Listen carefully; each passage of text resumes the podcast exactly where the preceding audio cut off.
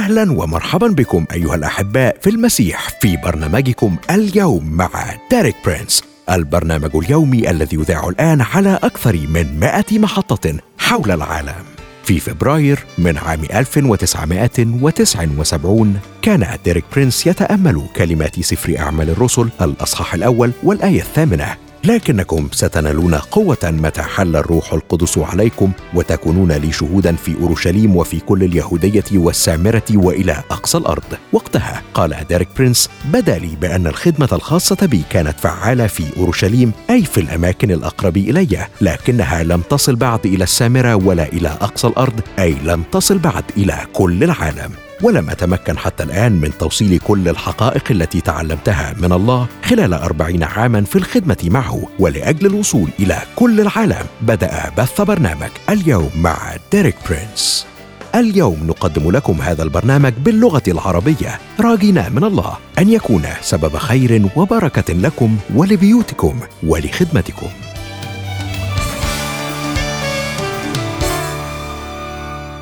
أهلا بيك صديقي المستمع في حلقة جديدة من برنامجنا اليوم مع ديريك برينس معك أشرف ومريم. أهلا يا مريم. أهلا يا أشرف وأهلا بصديقنا المستمع. هنكمل مع بعض حلقة تانية من سلسلة هويتنا في المسيح. والمرة اللي فاتت اتكلمنا في إن صلب يسوع ما كانش صدفة لكنه كان تحقيق لهدف إلهي. الله بنفسه رسمه في الأبدية وبعد ما انتهى من تصوره نفذه على مسرح التاريخ البشري. عرفنا كمان صديقي المستمع إن الهدف الإلهي ده بيتحقق من خلال اتحاد لوجهين أول وجه لما أنا وإنت نتحد بيسوع. وشفنا في الحلقات اللي فاتت إن الاتحاد ده متبادل. بمعنى إن يسوع اتحد بينا وبقى هو ذبيحة الخطية بدلنا وأصبح آدم الأخير. وكممثل للجنس البشري اتحط عليه كل شر جنسنا البشري. ومات متنا علشان كل إنسان. والوجه التاني من الاتحاد هو إننا إحنا بنتحد فيه بإيماننا من خلال معموديتنا وقبولنا بموته وقيامته وصعوده وشفنا إزاي إنه إحنا شركاء معاه في الجلوس على العرش. وإحنا النهارده يا مريم هنتكلم في الجزء اللي انت شوقتينا ليه الحلقة اللي فاتت. هنشوف إزاي نعيش الحقائق دي بشكل عملي في حياتنا اليومية. لأنه ببساطة ممكن لما نسمع الحق ده نقول آمين هنعيش الحق ده فعلا. أو ممكن نقول قد إيه الكلام ده رائع. وبصراحة في فرق بين الاتنين. وده نشوفه لما إحنا نتمسك بالحق ده ونقرر نطبقه ونعيشه. وده اللي هنتعلمه مع بعض في الوقت اللي جاي. أمين يا أشرف. بجد أنا عندي إيمان إن كل مؤمن فينا على قلبه يعيش الحق الكتابي ده. بس دايما بيبقى فيه حواجز بتمنعنا نمتلك الحقائق دي في حياتنا. في حواجز بتمنع شعب الله من الدخول لكل اللي اداهولهم الله من خلال موت يسوع. فعلا يا مريم هنلاقي إن أكبر حاجزين بيمنعونا نمتلك ميراثنا في يسوع هما الجهل وعدم الإيمان. تركيزنا النهارده هيكون على أول حاجز فيهم وهو الجهل. وده عنوان حلقتنا النهارده الجهل. وهنشوف إن مشكلة الجهل دي مش مشكلة جديدة بالعكس دي مشكلة موجودة بالفعل في العهد القديم. وهنشوف إزاي الجهل منع شعب الله زمان يستمتع بكل التدبيرات اللي الله دبرها ليهم عشان يعيشوا حياة فيها سلام وصحة ورخاء وفرح. وبسبب جهلهم ما قدروش يتمتعوا بالعبادة والشكر والتسبيح والحياة الأفضل اللي الله مرتبها ليهم. وهنشوف ده في سفر اشعيا إصحاح 5 وعدد 13 بيقول لذلك سبي شعبي لعدم المعرفة. وكمان في سفر هوشع وإصحاح أربعة وعدد ستة بيقول قد هلك شعبي من عدم المعرفة. قد إيه نشوفهم بسبب الجهل كانوا عايشين زي الأسرى والعبيد. كانوا عايشين مضطهدين رغم إنهم كانوا من حقهم يعيشوا أحرار ويحكموا كملوك مع الله لكنهم وقعوا في إيد إبليس بسبب الجهل وعدم المعرفة بكلمة الله وعدم المعرفة كمان بتدبير الله ليهم ونقص معرفتهم إزاي يعيشوا في تدبير الله. وبصراحة يا مريم دي ما كانتش في العهد القديم بس ولا مع شعب الله زمان بس دي نفس المشكلة بتزعج شعب الله في العهد الجديد. بنشوف بولس الرسول في رسالة كلوسي إصحاح 2 وعدد واحد لعدد أربعة بيحارب الجهل الروحي. كما لو إنه في صراع مع الناس اللي بتعاني من جهل في معرفة الله وفهم كل اللي بيقدمه الله ليهم. ممكن تقري لينا الأعداد دي يا مريم؟ طبعا يا أشرف الأعداد دي بتقول كده فإني أريد أن تعلموا أي جهاد لي لأجلكم ولأجل الذين في لودكية وجميع الذين لم يروا وجهي في الجسد. لكي تتعزى قلوبهم مقترنة في المحبة لكل غنى يقين الفهم لمعرفة سر الله الآب والمسيح المذخر فيه جميع كنوز الحكمة والعلم. وإنما أقول هذا لئلا يخدعكم أحد بكلام ملق. نشوف هنا بولس عايز يقول لهم إنكم تقدروا يبقى عندكم كل الفهم ويعرفوا كل أسرار الله في يسوع. لكن خلينا دايما حاطين في اعتبارنا إن هنلاقي كل ده في شخص الرب يسوع مش بعيد عنه. حاليا بقينا نسمع كده على منابرنا وفي كنايسنا كلام ممكن يبان إنه في منتهى الحكمة لكن للأسف مش بتتفتح لينا كنوز الحكمة والمعرفة اللي في المسيح. لازم نعرف إننا مش محتاجين أبدا إننا ندور بعيد عن يسوع. ويسوع بنفسه واجهته المشكلة دي وهو عايش على الأرض على فكرة. لما كان بيوبخ معلمي الشريعة علشان ما كانش عندهم معرفة يسددوا بيها احتياجات شعب الله. بيقول كده في إنجيل لوقا 11 وعدد 52 ويل لكم أيها الناموسيون لأنكم أخذتم مفتاح المعرفة ما دخلتم أنتم والداخلون منعتموهم. دي إدانة رهيبة يا مريم وعندي تخوف إن يكون في كتير من المؤمنين اللي عايشين النهاردة أخدوا مفتاح المعرفة. لكن ما دخلوش وما عاشوش في تدبيرات الله لحياتهم. وبسبب حجاجهم المنطقية وكلامهم اللي يبان حكيم جدا يمنعوا غيرهم يدخلوا ويتعايشوا مع حق إنجيل يسوع. فعلا يا أشرف مسؤولية كبيرة وصعبة. لكن تعالى كده يلا بينا أنا وإنت وصديقنا المستمع نخرج فاصل نسمع ترنيمة ونرجع نشوف يا ترى إيه هو مفتاح دخولنا للمعرفة دي. يلا بينا.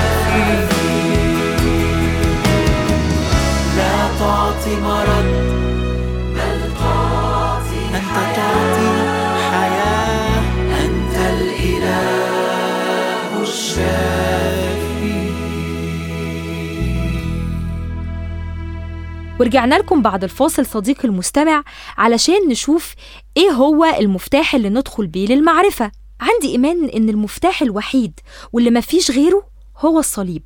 ده اللي نقدر نستخدمه علشان ندخل ونعيش في كل الخير اللي مدبره لينا الله في شخص يسوع بموته على الصليب. فعلا يا مريم. وأي شخص يحاول بأي شكل من الأشكال يغير أو يشيل حقيقة صلب وموت يسوع على الصليب والغرض منها هو بيساعد في زيادة الجهل بكلمة الله وبياخد مفتاح الفهم والمعرفة وبيمنع شعب الله إنه يتمتع بميراثه اللي ليه في يسوع بس السؤال هنا بقى يا أشرف إزاي ندخل في المعرفة دي بشكل عملي وبسيط؟ خلينا نسمع مع بعض خبرة ديريك في الجواب على السؤال ده ونرجع نتناقش مع بعض يجب أن نكرس أنفسنا لدراسة كلمة الله. المعرفة موجودة في كلمة الله الكتاب المقدس وهي غير واردة في أي مكان آخر. لا يوجد كتاب آخر بديل للكتاب المقدس. أريد أن أقرأ لكم ثلاث فقرات من سفر الأمثال تؤكد حاجتنا إلى هذا النوع من المعرفة. الأول في سفر الأمثال الأصحاح الثاني العدد الأول حتى العدد السادس. وأريدك أن تفهم بينما أقرأ هذه الكلمات التأكيد الهائل الذي نراه في هذه الكلمات على بذل الجهد المناسب لتلقي ما لدى الله لنا في كلمته. وهذه الكلمات قيلت لأبناء الله من الله نفسه. فيقول يا ابني يا ابني إن قبلت كلامي وخبأت وصاياي عندك حتى تميل أذنك إلى الحكمة وتعطف قلبك على الفهم. إن دعوت المعرفة ورفعت صوتك إلى الفهم إن طلبتها كالفضة وبحثت عنها كالكنوز فحينئذ تفهم مخافة الرب وتجد معرفة الله لأن الرب يعطي حكمة. من فمه المعرفة والفهم. هناك تراكم هائل للكلمات وكلها تشير إلى الجدية الهائلة والجهود المركزة للوصول إلى هذه المعرفة. هناك ثمانية جمل متتالية يتم استخدامها. القبول التخزين والتخبئة تحويل أذنك تغيير قلبك عمليا تدعو تطلب باكيا بصوت عال البحث باجتهاد والتنقيب عنها.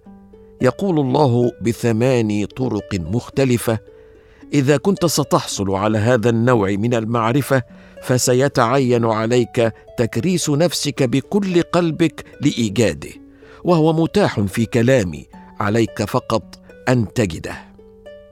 ثم في الأصحاح التالي في سفر الأمثال الأصحاح الثالث العدد الأول والثاني ومرة أخرى نجد الكلام موجه لأبناء الله.